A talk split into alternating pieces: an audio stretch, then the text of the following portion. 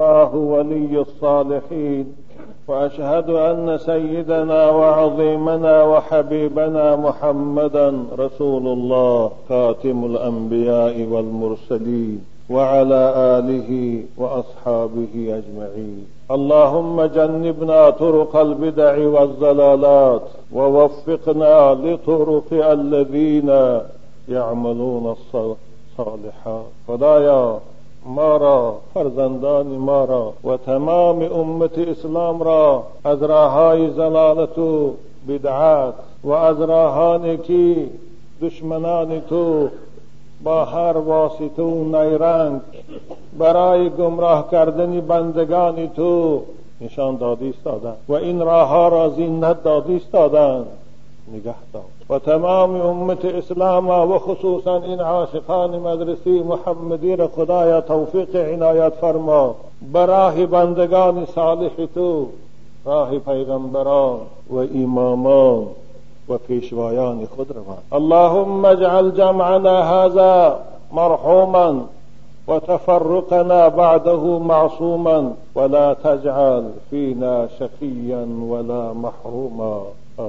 خدایا این جمعیت امروزی ما را جمعیتی که گردم که سزاوار رحمت تو گشته باشد. خدایا بعد از ادای این نماز جماعت که بندگان تو از پی کار و زندگی خود روانه می شوند اونها را در پناه اسمت خود نگه دار. اونها را از آفتها و بلاهای آسمانی و زمینی محفوظ بدار. خدایا عاشقان این مدرسه محمدی را از رحمتت به نصیب مگردان خدایا هیچ کدام اینها را نه در این دنیا و نه در آخرت بدبخت و شکی مگردان. آمین. أعوذ بالله من الشيطان الرجيم. إنه من يشرك بالله فقد حرم الله عليه الجنة ومأواه النار. وما للظالمين من أنصار. صدق الله العظيم. در آیه های فراوان. بندگان خدا از عاقبت خطرناکی شیر و کفر میترساند. و اونها را به هوشیاری دعوت می‌کند و اونها را تأکید به تأکید بیان میدارد که از این بیماری خداشان نگه دارند تا اینکه ابدی از رحمت خدا محروم نگردند. شرک چیست و چند نوع می شود شرک عزیزان من این است که بنده در عبادت خود به پروردگاری که آفریدگار اوست و آفریدگار تمام موجودات است چیزی را شریک می سازد حالا آنکه عبادت باید خالص برای خدا باشد پروردگار در قرآن بندگان خودش تاکید می کند و ما خلقت الجن والانس الا لیعبدون. من این جنها را و این انسانها را فقط برای آن آفریدم که من را پرستش کنند که خدای اونها هستم. وقتی که بنده این خدای آفریدگار و مهربان خود گذاشت و آفتاب پرستش کرد مانند آفتاب پرستا یا ستاره را سجده کرد مانند ستاره پرستا. یا آتش سجده کرد مانند زردشتها یا هیکل را سجده کرد و در نزد هیکل سری تعظیم خم کرد مانند نزد هیکل سامانی می رفتگی ها یا اینکه نزد مزار رفت نزد قبر رفت در نزد او مزار سجده کرد. از او مزار حاجت خودش خواست. این آدم به پروردگار خود همون مزار صاحب همون قبر گویا شریک گردانید عزیزان من قرآن می‌گوید قضا ربک الا تعبدوا الا ایاه عبادت یعنی معنای پرستش کردن. عبادت معنای سری تعظیم خم کردن. این پرستش و این سری تعظیم خم کردن و این حاجت پرسیدن باید فقط از خدای آفریدگار آسمان و زمین باشد. وقتی که ما در نزد آفتاب سجده می‌کنیم یا وقتی که آتش در میگیرانیم و آتش تعظیم می‌کنیم. گویا ما حاجت خود از علا پرسیدیم. گویا ما حاجت خود از آفتاب طلب کردیم. این را شرک می‌گویند. این را شرک اکبر می‌گویند. حتی کننده این از ایمان خارج می‌شود. قرآن گفت انه من یشرک بالله هر بنده یکی خواه مرد است و خواه زن. خواه جوان است و خواه پیر.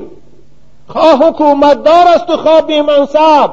اگر غیر از پروردگار خود کسی را پرستش کند و غیر از خدای خود از کسی دیگر حاجت و یاری طلب کند فقد حرم الله علیه الجنه برای این شخص خدا بهشت حرام گردانید. ابدی حرام گردانید.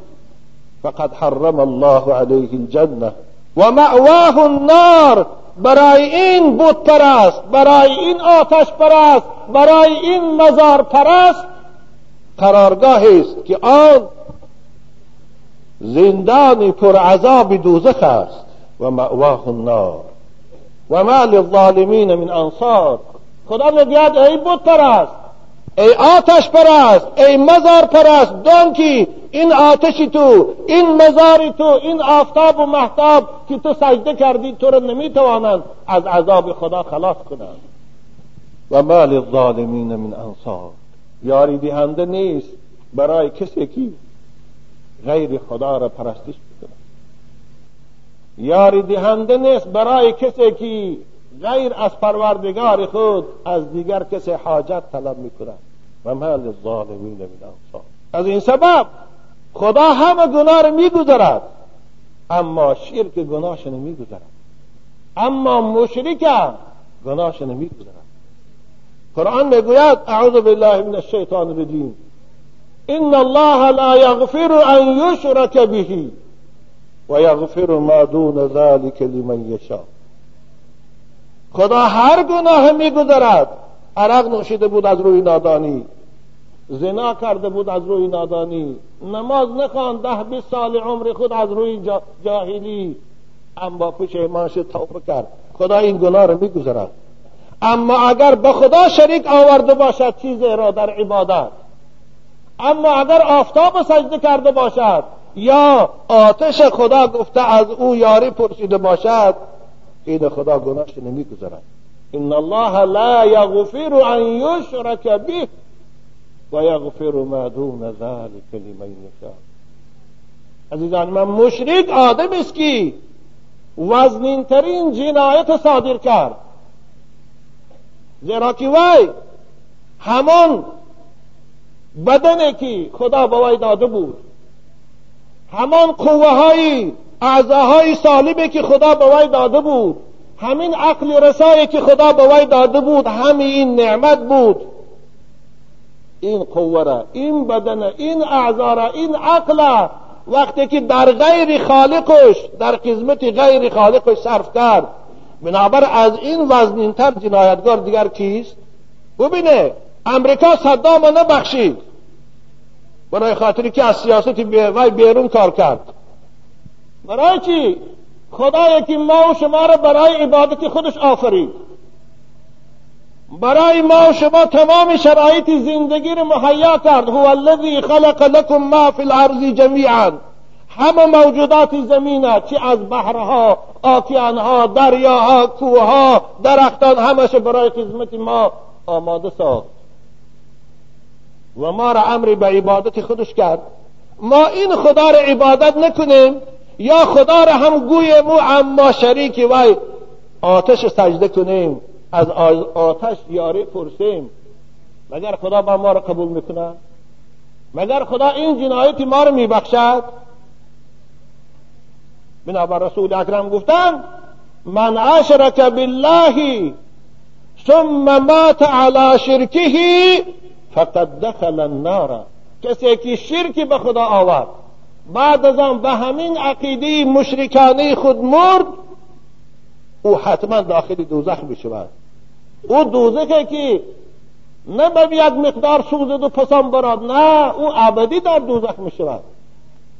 مانند کسی که ایمانی به خدا دارد.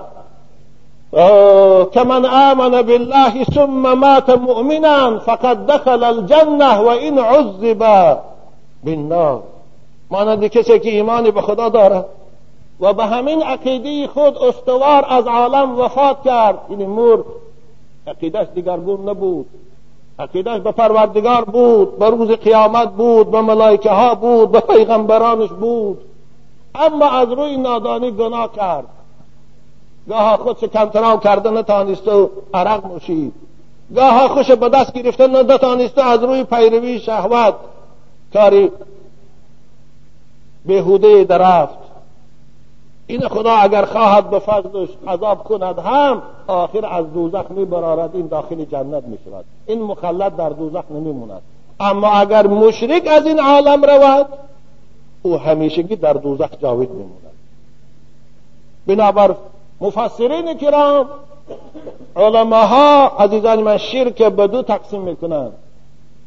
یکی شرک اکبر یکی شرک اصغر. یعنی شرکی کلان و شرکی خرد.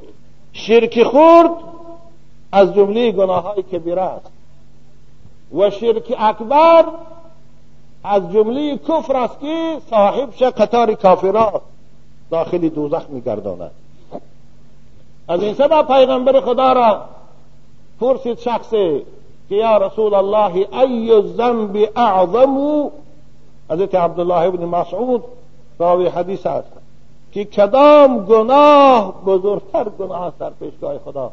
حضرت گفتن ان تجعل لله ندا و هو خلقک. همان خدایی که تو را آفرید. برای وای. شریک قرار بدهی چیزی را در عبادت.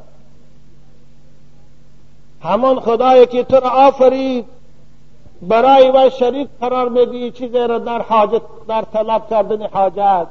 این شرکی اکبر است بنابراین این کسانی که به این شرک مبتلا می‌شوند راه یگانه خلاصی اونها از نو کلمه ایمان به زبان راندن است.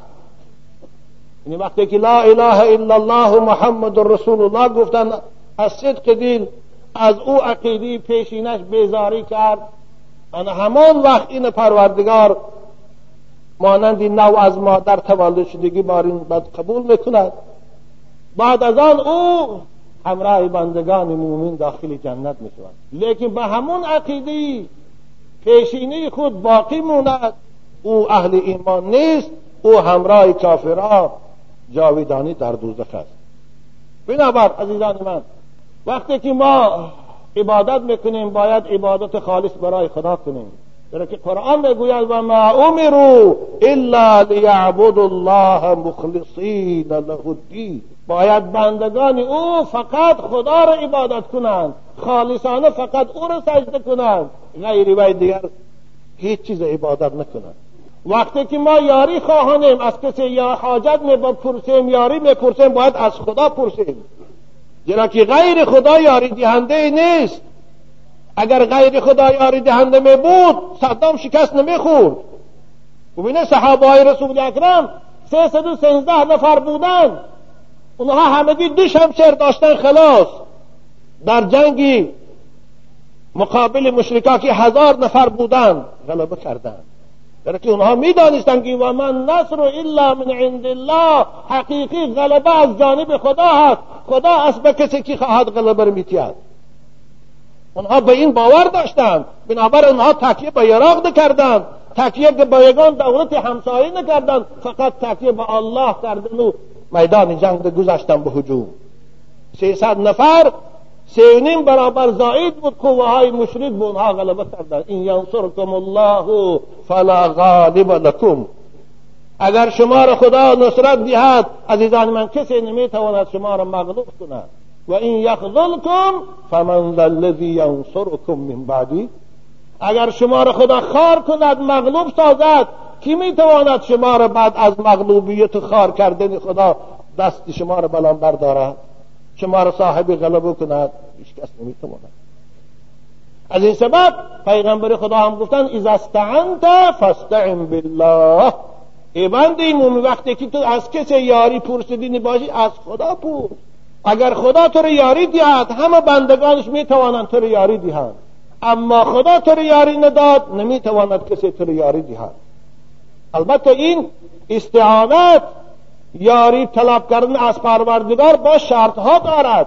بنده مومن خدا در وقت یاری می‌دهد که او در وقت تنگی کشادی خدا را شناسد خدا را عبادت کند خدا را پرستش کند. در حالت کشادی با مقابل دین خدا جنگ اعلان کند. در حالت کشادی و تنگی پروردگار خود فراموش کند. آن وقت وقتی که تنگی آمد الله الله فایده ندارد. نه رسول اکرم بودن ایزا استعنت فاستعن بالله. این است عقیده مومن. و دیگر اینکه وقتی که ما لا اله الا الله می‌گویم عزیزان من این کلمه توحید است. این کلمه است که همه معبودهای باطل را نفی می‌کند. این کلمه است که به ما میفهماند که باید گویندی این کلمه همه چیز از خدا پرسد. وقتی که ما بیمار می‌شویم باید شفا را از خدا پرسیم. زیرا که شفا دهنده خدا هست. اعوذ بالله من الشیطان الرجیم و این یمسسک الله بضر فلا کاشف له الا هو.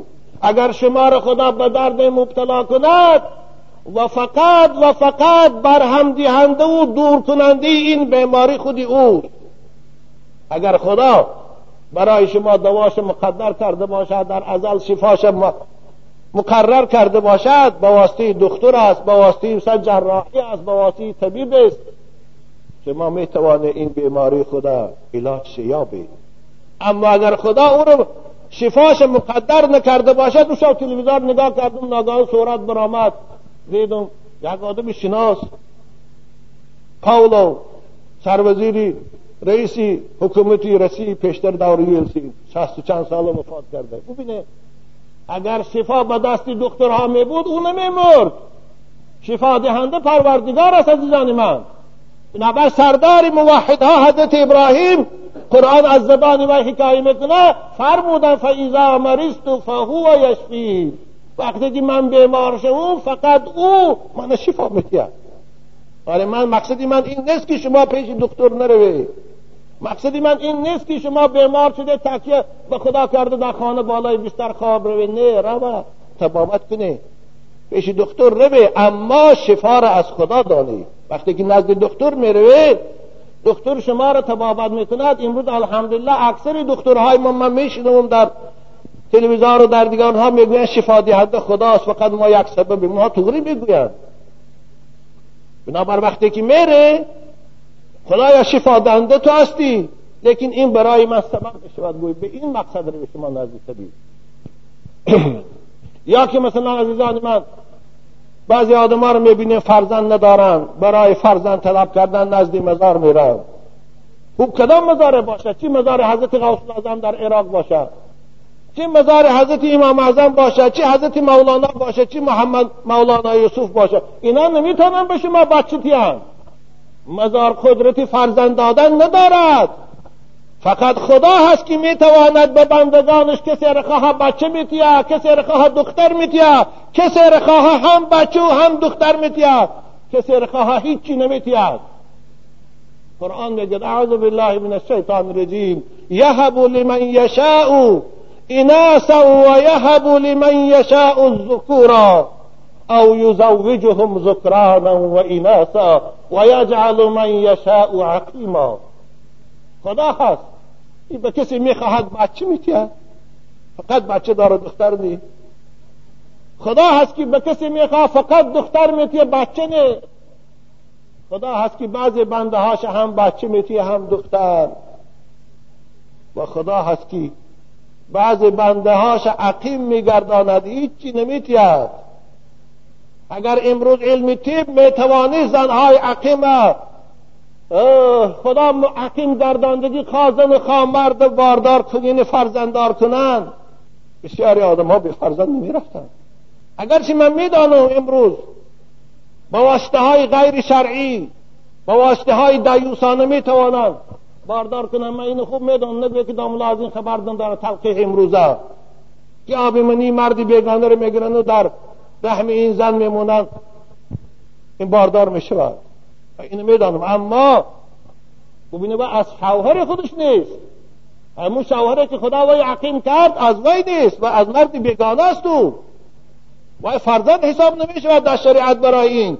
وای از این پدر میراث نمی‌برد از همون شوهری زن. بنابر عزیزان من این نوعی تلقیه که امروز برای باردار کنی صنعی این حرام است این دیوسان است اسلام هیچ گاه اجازه نمیتید به پیروان خود امروز تمام علمای دنیای اسلام به این زیر دستن فتوا دادی هستند که این زناست این زنای آشکاراست اگرچه امروز دنیای غرب در رکلامه هاش در نمایش هاش هر روز این نشان میتیند این زناست این حرام است. این دیوسی است کدام مسلمانه که به این راضی می شود و از اسلام خارج می شود به عزیزان نشید فرزندی هم خداست من نمی‌گویم شما مزارها نروید. مقصد من است که شما وقتی که برای زیارت قبرستان می‌روه خواه حضرت مولانا می‌روه خواه حضرت مولانا یوسف می‌روه فقط و فقط برای زیارت و عبرت گرفتن روه فقط و فقط برای دعا و فاتحه کردن به روح ایشان روه نه برای خواستن حاجت. اگر به مقصد حاجت طلب کردن به کدام مزار نروه والله از دین خارج می‌شوی؟ زیرا که نمی‌تواند به مقصد شما رو براره. این دروغ است این. روی زیارت کنید. رسول اکرم قبرستان زیارت می‌رفتند اما برای دعا کردن می‌رفتند برای عبرت می‌رفتند ببینه مولانا رو بخواره وقتی که بینه گوی همین کس به همه پادشاهیشان به همین بزرگیشان و مفسرشان دوست خدا و آخر را من در زیر خاک حسرت خوابم. ما امروز را می‌گویم در همین جا. به این مقصد روی.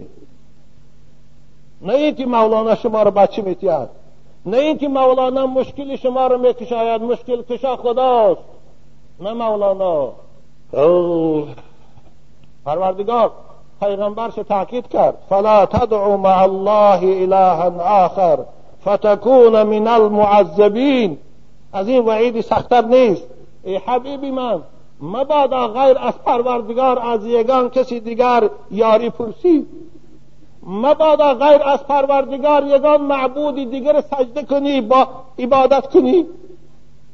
این صورت تو با وجودی که حبیبی من هستی از جمله عذاب کرده شدگان چی من تو را عذاب می‌کنم خدا گفت فتکون من المعذبین. بنابر خواهرای عزیز مادرایی که ندای من میشنه این وبا بسیارتر به شما یار شدگی است که برای بچه هم شده مزار میره.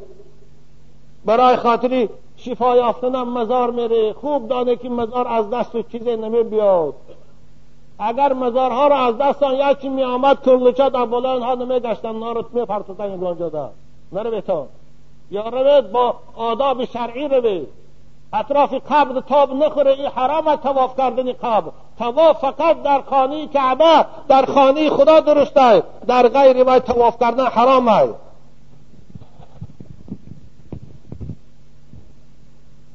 باید بنده مومن همه چیز از خدا دان. وقتی که ما لا اله الا الله می‌گوییم معنای این است که در این دنیا هیچ آفریدگاری نیست مگر الله. هیچ شفا دهنده نیست مگر الله. هیچ حاجت برار نیست مگر الله. هیچ فریادرس نیست مگر الله. هیچ خلاص کننده نیست مگر الله. هیچ رشد دهنده نیست مگر الله. معناش این است وقتی لا اله الا الله می‌گویم ریسک از لیلی می‌دانیم. که لیلی ما را ریسک داد. وقتی که لا اله الا الله میگیم ما بچه را از مزار می‌دانیم که مزار به ما فرزند داد یا ایشان به ما فرزند داد. این صورت این به این کلمه مخالف شد. این صورت رفتار ما به گفتار ما تغری نامد. بنابر عزیزان من این شرک شرک اکبر است. اما نوعی دیگر شرک این شرکی اصغر است. ببینید این چگونه شرک است؟ اگرچه در این باب در باب شرک اکبر گپ بسیار است و اما گپ بسیار من با سبب فتنه ها می شود بنابر من در این اینقدر اکتفا می‌کنم و ایش به خودی شما را عقل تان و حواله می‌کنم. نوع دیگر شرک عزیزان من این شرکی اصغر است. شرک اصغر از جمله گناه های کبیره است. اگرچه صاحب از ایمان خارج نمی کند لیکن مداومت بر او لیکن پی در پی کردن او همین کار را آخر احتمال است اینکه از ایمان خارج کند یکی از این شرک ها عزیزان من کدام است؟ ریاض. اعوذ بالله من الشیطان الرجیم. ومن كان يرجو لقاء ربه فليعمل عملا صالحا ولا يشرك بعبادة ربه احدا. این آیه مبارکه سوره کهف است. خدا میگه هر کسی از بندگان من خاخ مرد خازند امید دارند باور دارند رو پرو شدن را به خدای خود به پروردگار خود در روز قیامت. باید در این دنیا عمل صالح انجام دهند.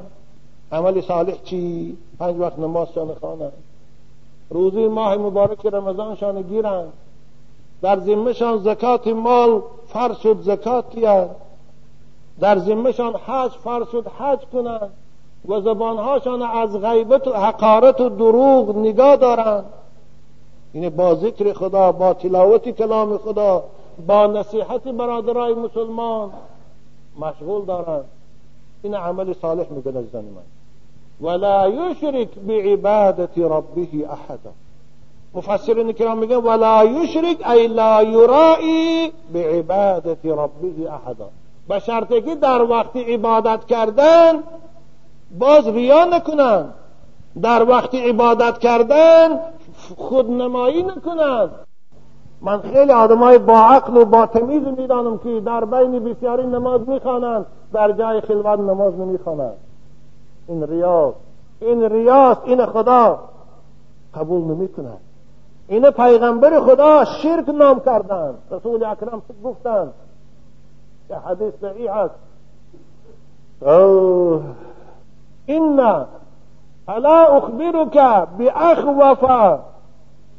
ألا أخبرك بما هو أخوف عليكم بما هو أخوف عليكم عندي من المسيح الدجال. رسول اکرم گفتن ای امت اسلام. من به شما گویم من شما را خبردار کنم از آن چیزی که برای من نسبت به شما از دجال دیده خطرناکتر است. یعنی دجال اگر برایت من اون قدر خوف ندارم برای حلاکت شما مانند که از این مرض خوف دارم. اصحاب حیران که یا رسول از دجال دیده فتن انگیستر باز چیست؟ حضرت گفتن از شرک الخفی شیر از شرک الخفی شرک پنهانی. صاحبش کافر میشه مشرک میشه نفهمیده میمونه. خودش مؤمن است. خودش اخلاص دارد. اما به اختیار مشرک میشه نمی‌داند. خانه حضرت و شرک خفیر چی گفتن؟ یقوم الرجل یصلی و یزین صلاته یک آدم گفتن نماز می‌خواند. وقتی که نماز سر کرد می‌بینی که آدم ها تماشاش دارند ثانی نماز با به حضور دل با رکوع و سجود طولانی می‌کنه. یزین صلاته لما یراه من نظر رجل. برای خاطر اینکه آدم من تماشا دارن انا این عزیزان من این نوعی عبادت این عبادتی باریا شد. این رسول اکرم برای امتشان از فتنه دجال هم خطرناکتر دانستن ببینید؟ خدا پناهی خیلی اکثری بندگان خدا به این مبتلا هستند. به اختیار می شود این گاه خود آدم نفهمیده بنابر همین هر عبادتی که برای خاطر نشان دادن مردم باشد او ریاست این گویا این, نمازگزار در عبادت خود شریک کرد. و پروردگار همون شخصی تماشابین است بنابراین هم شرک شد از مثل رسول اکرام گفتن ایاکم و شرک الاصغر. شما حذر کنه از شرک خورد اصحاب گفتن یا رسول الله ما شرک الاصغر. قال الریاء. ریا خودنمایی تاجکی دار. ببینه امروز ما مسلمان ها توی ها می‌کنیم. در توی ها ما خراجات های از حد زاید می‌کنیم مقصد چی منو تعریف کنن؟ فلانی بوز داد. فلانی در بوز دو ماشین داد چند اسب داد چله تلا داد گردنبند تلا داد. مقصد این تعریف کردن مقصد این نشان دادن ریاکاری است. بنابر از این خراجاتی که باید در او توی کرد عزیزان من هیچی حاصل نمی شود حتی در بعض روایات آمد است شخص پیش پیغمبر خدا آمد. این حدیث ابن عبی دنیا روایت کردیان گفت یا رسول الله کیف النجات؟ راه نجاتی از آتش دوزخ کدام است؟ کیف النجات؟ حضرت گفتند الله تخادع الله. عزیزان من توجه کنید. خواهیم نخواهیم امروز اکثر ما به این مبتلا هستیم. الله تخادع الله. راه نجات این است که خدا را فریب نتون این جوان گفت یا رسول کیف یخادع الله؟ چگونه خدا را فریب کرده می شود؟ او آفریدگار آسمان و زمین است. او را فریب کردن ممکن هست؟ حضرت گفتن ان تعمل عملا امرك الله به ورسوله تريد به غیر وجه الله. تو گفتن یک عمل انجام بدهی. عملی که خدا امر کرده تو مثل نماز خواندن مثل روزه گرفتن مثل قرآن خواندن یا مثل خیر احسان کردن این خدا امر کرده است پیغمبر امر کرده است. لیکن در وقتی کردن تو مقصد بود این است که آدم منو تعریف کنن خوب نماز میخواندن مقصود این است که آدم منو تعریف کنن که خوب قرآن میخواندن مقصود این است که آدم منو تعریف کنن که خوب سخی بودن. یعنی در دلت همین نیت داشتی. بنابراین فریب دادن خدا هست. بنابر حضرت امام قتاده می‌گویند پروردگار پروردگار در وقتی که بندش یگان کار برای ریا انجام می‌دهد می‌گفتد انظروا الى عبدی کیف یستهزئ بی. این بندی منو ببینه. من قطعی مسخره بازی دارم. نماز به نام من خواند ایستاده مقصدش آدم رو نشان دادن. قرآن برای من خواندی مقصدش آدم رو نشان دادن که ببینه من چه تو آواز خوب دارم من چه تو استعداد دارم. این عزیزان من ریا.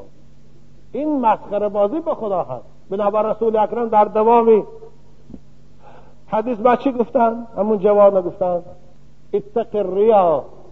ای جوان خوب گفتن از ریاکاری خود نگاه دار. اتق الریا. فانه الشرك الاصغر شرک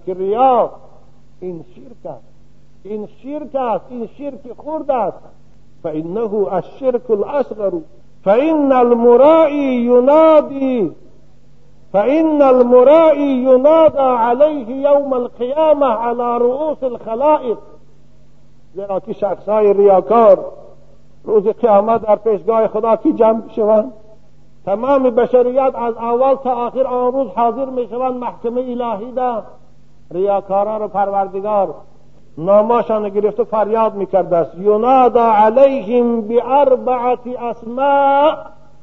چهار نام کتی شخص ریاکار پروردگار در عرصات قیامت فیراد می‌کرده یکم یا مرائی یا غادر یا فاجر یا خاسر.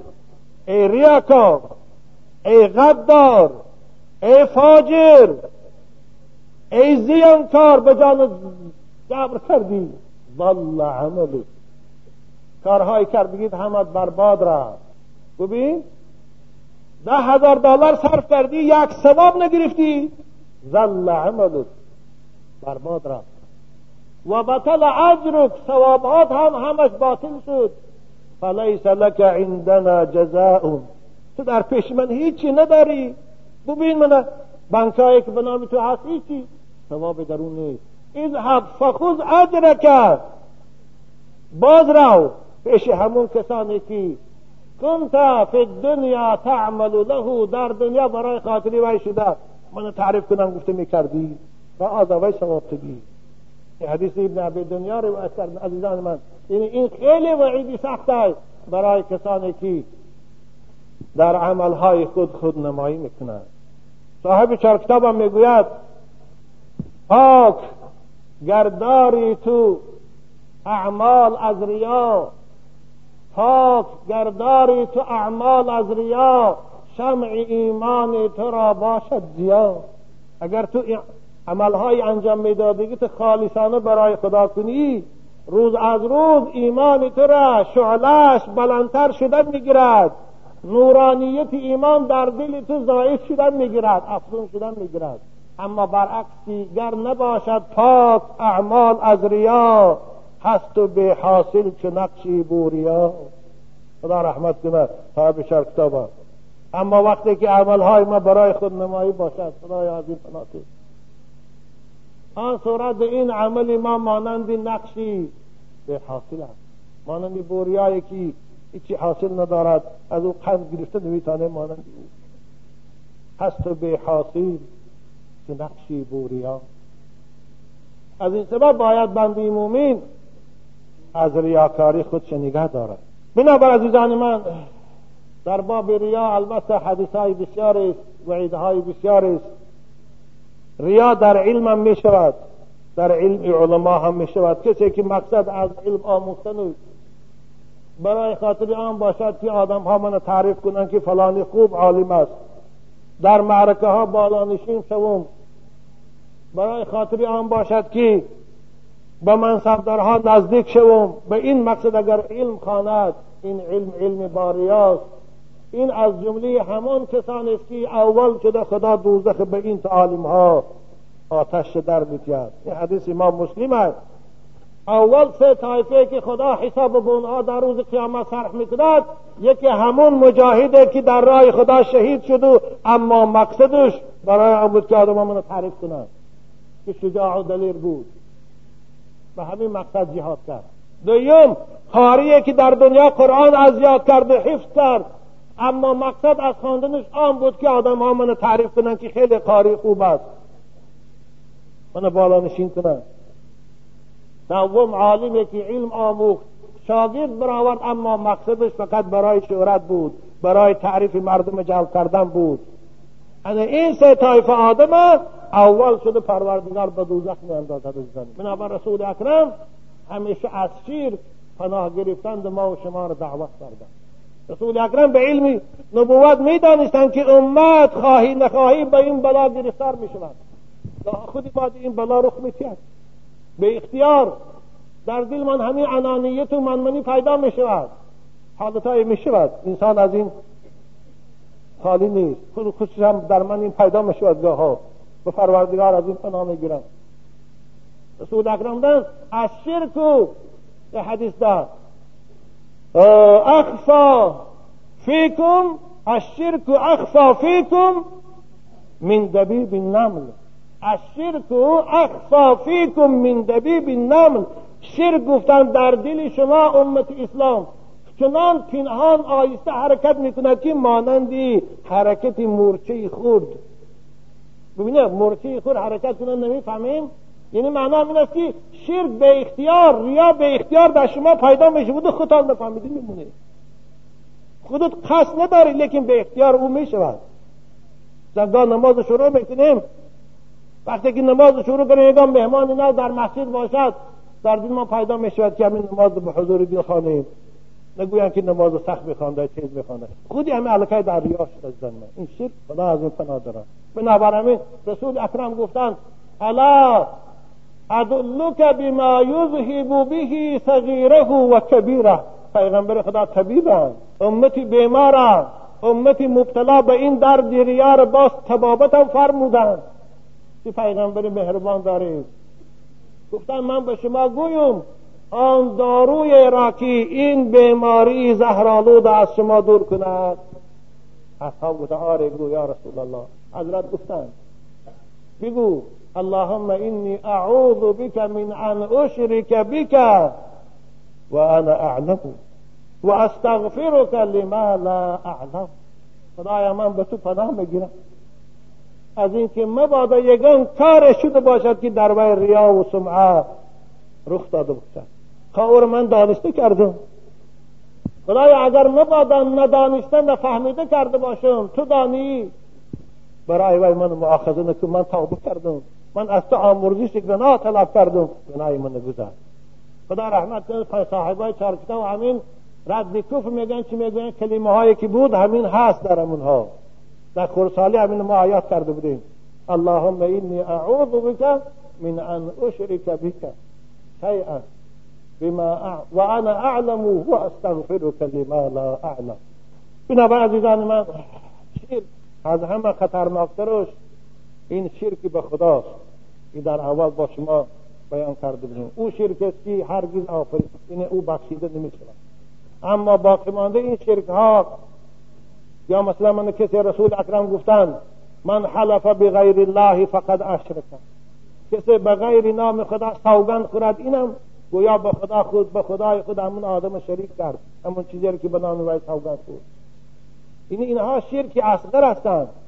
یا که من ذبح لغیر الله فقط اشرک. کسی که گوسفند برد و نزد مزار نظر کرد و برای مزار کش این هم گویا به خدا همون مزار همون قبر شریک کرد. همین ها عزیزان من در شرک اصغر می درایند باید بندی مومن از اینها خداشان نگه دارد بنابر برای کسانی که مزارها رو نظر می‌کنند خواهش من از این است که اون مالها را حرام نکنند.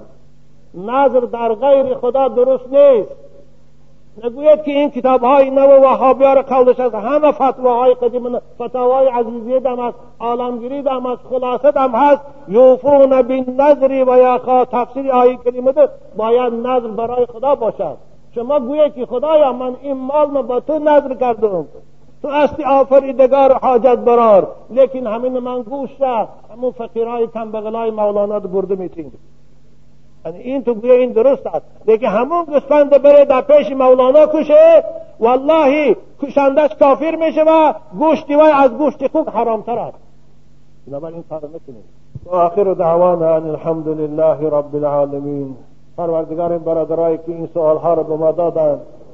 از ثواب سامعی و طالب علمی با نصیبشان گرداند و شما را هم عاشقان مدرسه محمدی از این سخنهای شنیدهتان از این علمهای حاصل کردهتان پروردگار توفیق عمل کردن و بهرمند گرداند. خدایا تمام امت اسلام و خصوصا این عاشقان مدرسه محمدی را از او کارها و رفتارها و عملهایی که شرک آمیز است. خدایا نگه دار. خدای عقیده امت اسلام خاص و فقط و فقط برای خودت برای خدای خودت یکتا هستی. یعنی روانه گردان و عبادت تمام امت اسلام و خدای خاص برای خودت گردان و از عبادت های باطل و معبود های باطل خدایا ما عاشقان مدرسه محمدی را نگه دار. پروردگارا در تمام سرزمین های عالم اسلامی و خصوصا در این سرزمین جمهوری ما فیض برکات نازل کردن آفت و بلا را ناآرامی ها را فقر و تنگدستی ها را از این سرزمین ما دور گردان. خدایا به حرمتی دستی برداشتی بندگانی بیمارای ما را شفای کامل عنایت فرما. و به فرزندان ما را تو قادری فرزند صالح نصیب گردان. خدایا چشم این پدر مادرای به فرزند با دیدن فرزند روشن گردان.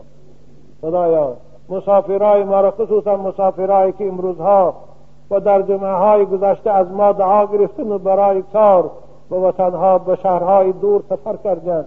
خدای اونها را در پناه اسمت خودت نگه دار. خدای اونها را سلامت دار. خدای اونها را درآمدهاشان از وجه حلال پر گردان و بعد از انجام سفر با دست پور به سوی خاندانشان بازگردان. آمین یا رب العالمین. یک برادر اسلامی یک جوان خوب. جمعه گذشته از ما خواست که اگر شما اجازت دیم ما برای مسجد شما چراغ بیاریم. یعنی به اشتراح لیوستر بیاریم. ما گفتیم خوب انشالله مسجد ما که به این احتیاج ندارد بعد از ما خدا فقر با می‌کنه. یکی که شما بیارید با بسیارتر خوب میشن این این برادر به نام نامش بهادور است. این همتش هم همت بهادرانه است. دعا کنی پروردگار.